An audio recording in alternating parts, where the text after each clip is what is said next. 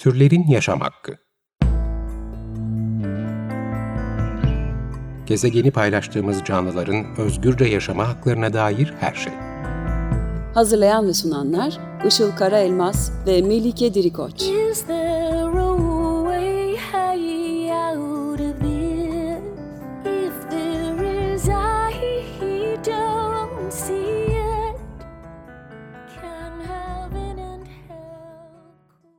Merhabalar, 94.9 Açık Radyo'da Türlerin Yaşam Hakkı programı başladı. Ben Melike Dirikoç. Merhabalar, ben de Işıl Karaelmaz. Teknik Masa'da Selahattin Çolak'la program kaydını alıyoruz. Bugünkü destekçimiz Efe Nihat Çakıroğlu'na ve diğer tüm destekçilerimize teşekkür ederek başlayalım. Bugün atık meselesini konuşacağız. Belki de düşünmeden aldığımız, sonrasında çöpe attığımız ve evsel atık kamyonunun gelip aldığı tüm o atıklar sonrasında ne gibi süreçlerden geçiyorlar? Yarattığımız bu atık miktarının ve atık yönetiminin de iyi şekilde yapılmamasının dünyaya ve hayvanlara ne gibi zararları var ve en önemlisi de biz neleri değiştirebiliriz hayatımızda bu, bununla ilgili bunları konuşacağız. Ee, istersen güncel durumu ve biraz da kısaca atığın tarihsel dönüşümünü konuşarak başlayalım mı? Şu anki durum pek iç açıcı değil çoğumuzun tahmin edeceği üzere. İşin kötüsü insanlar olarak e, yeni normallere kolayca alıştırılıyoruz. E, 50'li 60'lı yıllarda markete ya da pazara pazar filesiyle e, gidilirmiş.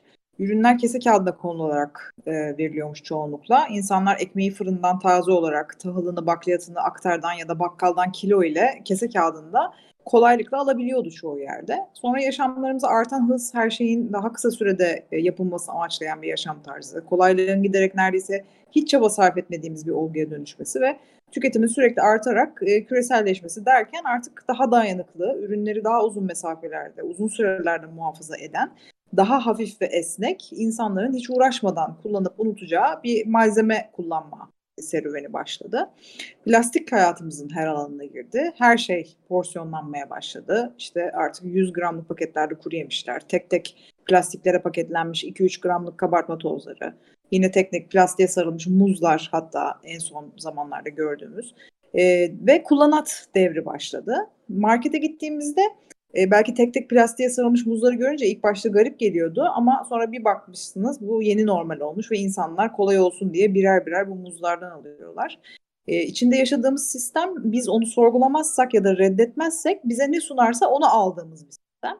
Bir manava gittiğimde örneğin bazen kendim bile seçemiyorum e, sebzeyi meyveyi. Oradaki görevli koyuyor. Sonra hemen tartmak için tartıya alıyor. Hop oradan bir e, plastik poşetin içine koyuyor. İki tane elma bile olsa aldım. Sonra üzerine bir tane yine etiket yapıştırıyor ve e, kasada belki bir kere daha bir plastik poşete konuyor bu iki el, elma. Sanki taşıyamayacakmışım gibi ya da çantama atamayacakmışım gibi ve elime tutuşturuluyor. Aslında sistemin normali bu. Bol bol atık kullanmak.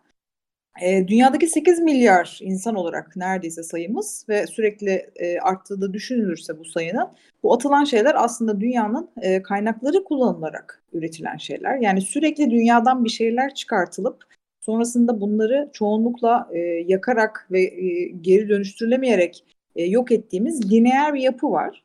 Kaynağın dönüştüğü şeyin tekrar geri kazandırılma yüzdesi çok az. Bu nedenle sürekli yeni kaynak için doğaya başvurduğumuzda doğanın kaynaklarının kuruyacağını da e, çok rahatlıkla görebiliriz aslında. Maalesef doğada sonsuz bir kaynak varmış gibi yürütülen bir sistem var. Kapitalizmin mantalitesi bu. Ancak bu kaynaklar sınırlı ve giderek de tükenmekte. E, bununla beraber kaynakları işlerken kaybedilen devasa bir enerji ve oluşan başka atıklar var. Yani petrolü dünyadan çıkartmanız ayrı bir korkunçluğa yol açıyor. Onu işlerken oluşturulan karbon ayak izi ve sonrasında tekrar doğaya döndüğünde bu atıklar yok olurken ya da e, işte yakma gibi işlemlerle yok edilirken oluşturduğu sera gazı emisyonları ve sonunda da toprağa suya karışan kimyasallar da apayrı ciddi bir mesele. Bununla beraber kamuoyunun e, doğada çözünür olarak lanse eden e, kamuoyunda plastiklerle ilgili de e, yanlış bilgilendirildiğini görüyoruz.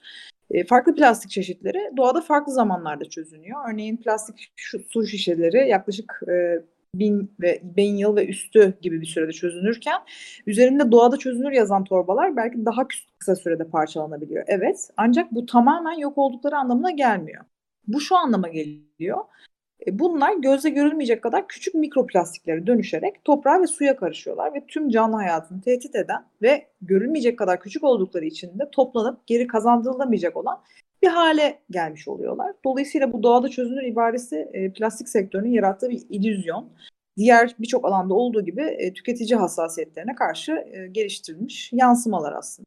Ya bu çok önemli bence. Yani bizim marketlerden aldığımız ve üzerinde de yüzde yüz doğada çözünür ibaresi bulunan bütün plastik poşetler aslında yüzde yüz çözülmüyor demek ki. Mikroplastiklere dönüşüyor ve o mikroplastikler de toprağa, suya ve hayvanların ve tabii biz insanların bedenlerine de karışıyor diyebilir miyiz? Evet kesinlikle öyle. E, çünkü yani çözülmesi demek sadece göz önünden kalkması demek. Göz önünden kalkıp kalkmadığı da açıkçası bir soru işareti. Şimdi e, sıradan bir tüketicinin hayatına bakalım. Evden çıktı kişi, susadı, markete girdi, bir pet şişe su aldı. Bunu da plastik bir poşete koydurdu. Suyu yarım saat içinde tüketti ve torbayla beraber sokaktaki çöp tenekesine attı.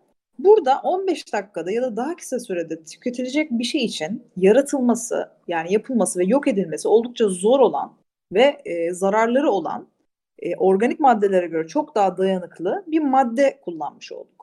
Bu 15 dakika içinde yani binlerce yıllık bir süreç başlatılmış oldu. Bu 15 dakika için. Ve bu malzeme geri dönüşüm için yeterli altyapı olmadığından ve bu bilinç de olmadığından özellikle bizim ülkemiz için örneğin konuşacak olursak doğru şekilde e, atık yönetimi yönetilemedi ve geri kazandırılamadı. Çoğu ev hanesinde ve dışarıda maalesef genel olarak yapılan uygulama tüm atıkları bir yere atmak. E, yani Türkiye şartlarında e, bu atıkların ne oluyor? Çöpe aklına, aklımıza gelebilecek her türlü ambalajı, yemek atı artığını, sebze kabuğunu, kağıdı vesaire atıyoruz. Tüm bunları plastik bir torbanın içerisine koyuyoruz ve sokaktaki çöpe atıyoruz. Türkiye'de geri dönüşümün e, bence büyük bir ayağı olan sigortasız geri dönüşüm işçileri var biliyorsunuz. Şanslıysak onlar çöpümüzü açıp içinden geri dönüşüme gidebilecek durumda olanları geri alıyor ve geri dönüşüm tesislerine ulaştırmak için aracı oluyorlar. Ancak her zaman onlar da e, bu maddeleri alamayabiliyorlar. Çünkü mesela çay döktüğümüz çöpe aynı zamanda kağıt da atarsak o kağıdın dönüşümü, dönüşüm şansını da yok etmiş oluyoruz. E, o onları aldı diyelim. Geriye kalanlar çöp kamyon tarafından alınıyor. Bazı çöp tesislerinde yine geri dönüşüm için ayrışma yapılabiliyor ama bunun her yerde uygulanıp uygulanmadığı da meçhul açıkçası. Sonra geri kalan çöpü çöplük alanlara bırakıyorlar. Bu alanlarda da sürekli artan sayıda çöp dağları oluştuğu için e, ve artık yer kalmadığı için burada çöpleri yakma işlemi uygulanıyor. Bu da ciddi anlamda kanserojen olan zehirli gazların açığa çıkışı demek.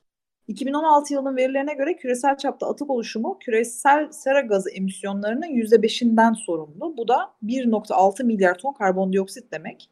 Araştırmalara göre böyle gidersek 2050 yılında bu oran 2.6 milyar tona kadar çıkacak. Bir de bu atıkların atık merkezlerine ya da çöp alanlarına ulaşmadığı durumlar da var. Bunlar yeşil alanlara, denizlere ve okyanuslara karıştığı durumlar. Hepimiz tanık olmuşsunuzdur. Parklarda ya da sahillerde toplanmayan veya ağaçların altında ya da çalıların arasında biriken atıklara. Bazıları o kadar küçük ve çok oluyor ki adeta toprağın üzerine e, çim gibi kaplamış oluyorlar. Büyük bir kısmı da denizlere karışarak burada korkunç bir kirlilik oluşturuyor. Şu anda Pasifik Okyanusu'nda 5 adet çöp girdabı var. Buna Great Pacific Garbage Patch yani Büyük Pasifik Çöp Alanı deniyor. Araştırmalara göre bu, olan, bu alan 1.6 milyon kilometre karelik bir alanı kaplıyor. Yani e, tabiri caizse Texas eyaleti büyüklüğünde şu an ve oluşturulan atıklar nedeniyle sürekli de büyüyor. Ve sadece Pasifik Okyanusu'nda da değil Atlantik Okyanusu'nda da bu çöp girdaplarının olduğu görülüyor. Bu atıklar ekosistem canlıları için ve gezegen için korkunç zararlara yol açıyor. Sen de zaten şimdi bunlardan bahsedeceksin. Evet bahsettiğin gibi bizim sorgulamadan otomatik bir şekilde içine çekildiğimiz bu tüketim düzeni ve sürekli gereksiz yere atık ürettiğimiz bu süreç doğa ve hayvanlar açısından ölümcül sonuçlara yol açıyor ne yazık ki. Biz belki diyoruz ki aman haftada ayda bir kere aldığım bir plastik şişeyi çöpe atmışım yani ne olacak? Ama çok şey oluyor. En başta da bunu diyen yüz milyonlarca insanın yarattığı atık miktarı akla hayale sığmayacak kadar fazla oluyor. Atık konusunda da insanlara özellikle de çocuklara ilk öğretilen şey çöpünüzü yeşil alanlara, sahillere, denizlere falan atmayın. Çöpünüzü çöp kutusuna atın bilgisi. Ve bu tabii ki gerekli ve ne yazık ki daha bunu bile beceremiyoruz toplum, toplum olarak ama artık çöpü çöp kutusuna atmak da yeterli değil. Yani durum o kadar vahim ki üretilen bütün çöpleri çöp kutusuna atıyor olsak bile kurtaramayacağımız bir gidişat var gibi görünüyor. Tabii yapılabilecek şeylerden biri burada e, insanlara ve çocuklarımıza atık türlerini ve hangi atığın hangi çöp kutusuna atılması gerektiğini öğretmek olabilir. Ama senin de anlattığın gibi geri dönüşüm altyapısı ve geri dönüşüm miktarının yeterli olmadığı bir düzende yapabileceğimiz e, ilk ve en önemli şey bundan da önce ürettiğimiz atığı azaltmak. Yani plastik kullanımını, toksik madde kullanımını mümkünse sıfırlamak veya minimuma indirmek. Ve tabii ki bizim bireysel çabamız da yine çok gerekli olmakla birlikte yeterli değil. Bilinçli tüketiciler olarak da en büyük kirliliğe e, sebep olan şirketlerden bunu ısrarla talep etmemiz gerekiyor. E, şimdi ürettiğimiz atığın nelere sebep olduğuyla ilgili de genel bir tablo çizmek istiyorum. Her sene ortalama 2.12 milyar ton atık üretiyoruz insanlık olarak.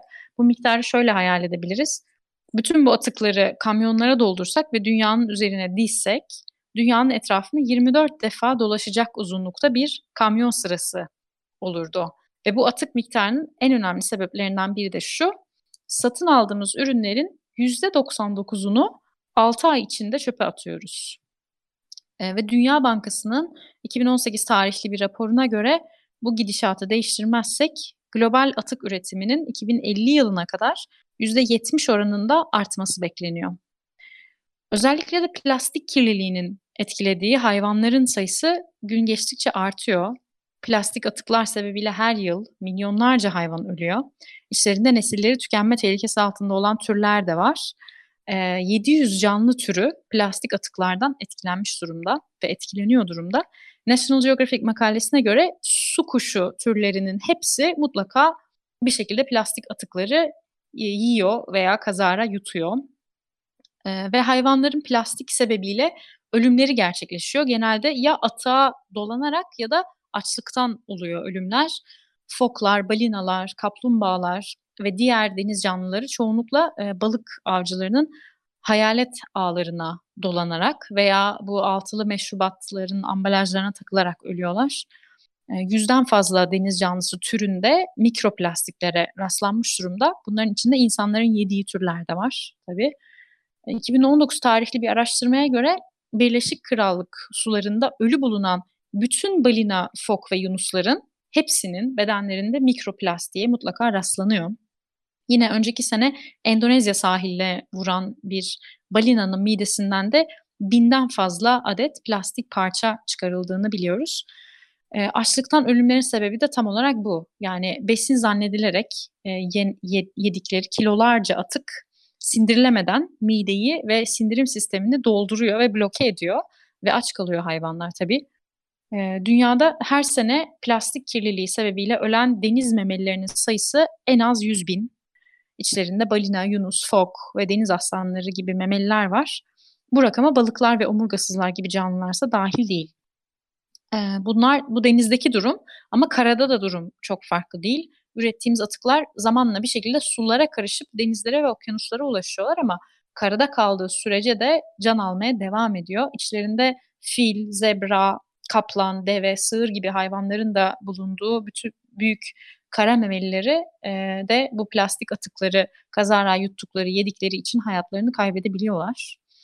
Şimdi bütün bu bilgileri paylaşmak tabii çok önemli ve paylaşmalıyız ama açıkçası e, bu rakamların hiçbiri beni izlediğim bir video kadar etkilemedi. Eğer 5 dakikanız varsa sırf bu videoyu izlemenizi öneririm çünkü hayatınızdan plastik pipeti tamamen çıkarmanızı sağlayacaktır diye düşünüyorum. Bir deniz kaplumbağasının küçücük burun deliğine girmiş plastik bir pipetin çıkarılma videosu bu.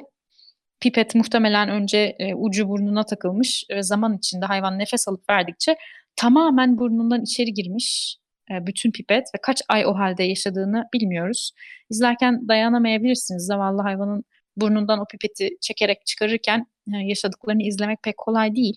Acı içinde inliyor ve pipeti çekerken burnu kanıyor sürekli bu pipeti onun yaşam alanına atan kişi herhangi birimiz olabiliriz. Ben izlerken bunu düşündüm. Yani bizim attığımız plastikler de tabii aynı şekilde benzer acılara ve ölümlere sebep oluyor olabilir. Çünkü şöyle bir veri var. Denizlerde biriken çöplerin yüzde sekseni kara kaynaklı. Yani bizim belki plastik çöpüne veya e, herhangi bir çöpe düşünmeden attığımız, kullandığımız her parça plastik karada veya denizde bir canlıyı en iyi ihtimalle yaralıyor ama büyük ihtimalle de ölümüne sebep olduğunu da düşünmek zorundayız. E, herkes için oldukça zararlı. E, o yüzden de aslında yani işte büyük bir kahve zincirine gittiğimizde ya da bir yerden bir şey aldığımızda aslında bunu boykot etmemiz bu firmaların da değişmesine ön ayak olabilir. Çünkü Cola'nın yaptığı bir açıklama vardı. Neden plastiği kullanmayı bırakmayacağına dair. E, şunu söylüyor açıklamada özetle. Çünkü müşteriler hala plastik talep ediyor. Yani dolayısıyla bu arz talep dengesinde yapabileceğimiz en önemli şey ve bence e, oldukça da etkili olan şey bunları boykot etmek ve e, bu tarz yaklaşımı olan belki firmalardan almamak ya da bu ürünleri almamak olduğunu düşünüyorum. E, programın ortasına geldik. İstersen bir şarkı arası verelim. E, yine anlamlı sözleriyle bizi e, mutlu eden Radiohead'den geliyor. Fake Plastic Trees. Türlerin yaşam hakkı 94.9 Açık Radyo'da Radiohead Fake Plastic Trees dinledik. Türlerin yaşam hakkı devam ediyor. Bugün atık meselesini konuşuyoruz. Programın devamında bireysel ve sistemsel olarak neleri değiştirebiliriz, nasıl daha az atık oluşturabiliriz ve bunları nasıl sürdürülebilir bir şekilde yönetebiliriz? Biraz bunlardan bahsedeceğiz. Evet, e, önceliğimiz kesinlikle çok daha az atık oluşturmak olmalı. 20. yüzyılın ortalarında başlayan atık oluşturma çılgınlığına bir çözüm olarak 80'lerde geri dönüşüm ön plana çıkarıldı. Uzun bir sürede ve belki hala da geri dönüşümün yeterli olduğu inancı var çoğu kesimde. Ancak bunun doğru olmadığı görülüyor. E, öncelikle plastik özelinde konuşacak olursak farklı plastik türleri var ve hepsinin de geri dönüşebilme sınırları var. E, farklı plastik ambalajların arkasını okuduğunuzda orada kaç kez geri dönüştürülebildiklerine dair bir ibare görürsünüz. Bu da plastiğin bir noktada tekrar geri kazandırılamaz hale düşmesini e, engelleyemeyeceğimiz anlamına geliyor. Bununla birlikte her plastik kendi türünden ambalaja geri dönüşmüyor. Yani e, bir pet şişe su aldığınızda bunun tekrar bir e, pet şişe suya dönüşmesini bekliyorsunuz ama bu e, her zaman böyle olmuyor. Bunun yerine down cycle dediğimiz daha düşük kalitede ve fonksiyonelitede ham maddelere dönüşebiliyorlar. Ve geri dönüşüm aynı zamanda enerji ve kaynak harcayan da bir sektör ve kendisi de kimyasal ya da solid atık oluşturan bir alan. Bu nedenle atık oluşturmamak ilk hedefimiz olmalı. E, Covid-19 sonrası hayat serisi yapmıştık. E, o serinin hiper tüketim bölümünde tüketim çılgınlığına karşı daha sade bir yaşam için az atık oluşturmanın 6R'sinden bahsetmiştik. Bugün tekrar bu 6R'yi teker teker açmayacağız vaktimiz yok ama e, daha çok refuse yani reddetme aşaması üzerine biraz yoğunlaşmak istiyorum. E, aynı zamanda bu bölümü dinlemeyenler de Açık Radyo web sitesinde program kayıt arşivine girip dinleyebilirler hiper tüketim bölümünü. Bu 6R'de e, yapmasını en çok tercih ettiğimizden en az tercih ettiğimize doğru e, rethink yani yeniden düşünmek e, ilk yapmamız gereken. Sonrasında refuse yani reddetmek, reduce azaltma, reuse yani yeniden kullanmak, replace yerine koymak, recycle geri dönüştürmek olarak böyle bir e, sıralama yapabiliriz çöp kutumuza ya da geri dönüşüm kutumuza bakmak da bence çok şey söyleyebilir kendi tüketim analizimizi yapmak açısından ve ihtiyaçlarımızı da yeniden gözden geçirmemiz açısından. Yani örneğin sen pipet örneği verdin. Gerçekten bir sağlık sorunumuz yoksa plastik bir pipete gerçekten hayatımızda ihtiyacımız var mı mesela? Yoksa bir şeyleri içmek için direkt ağzımızı kullanabilir miyiz aslında? Yani bir zamanlar yaptığımız gibi bunu düşünebiliriz.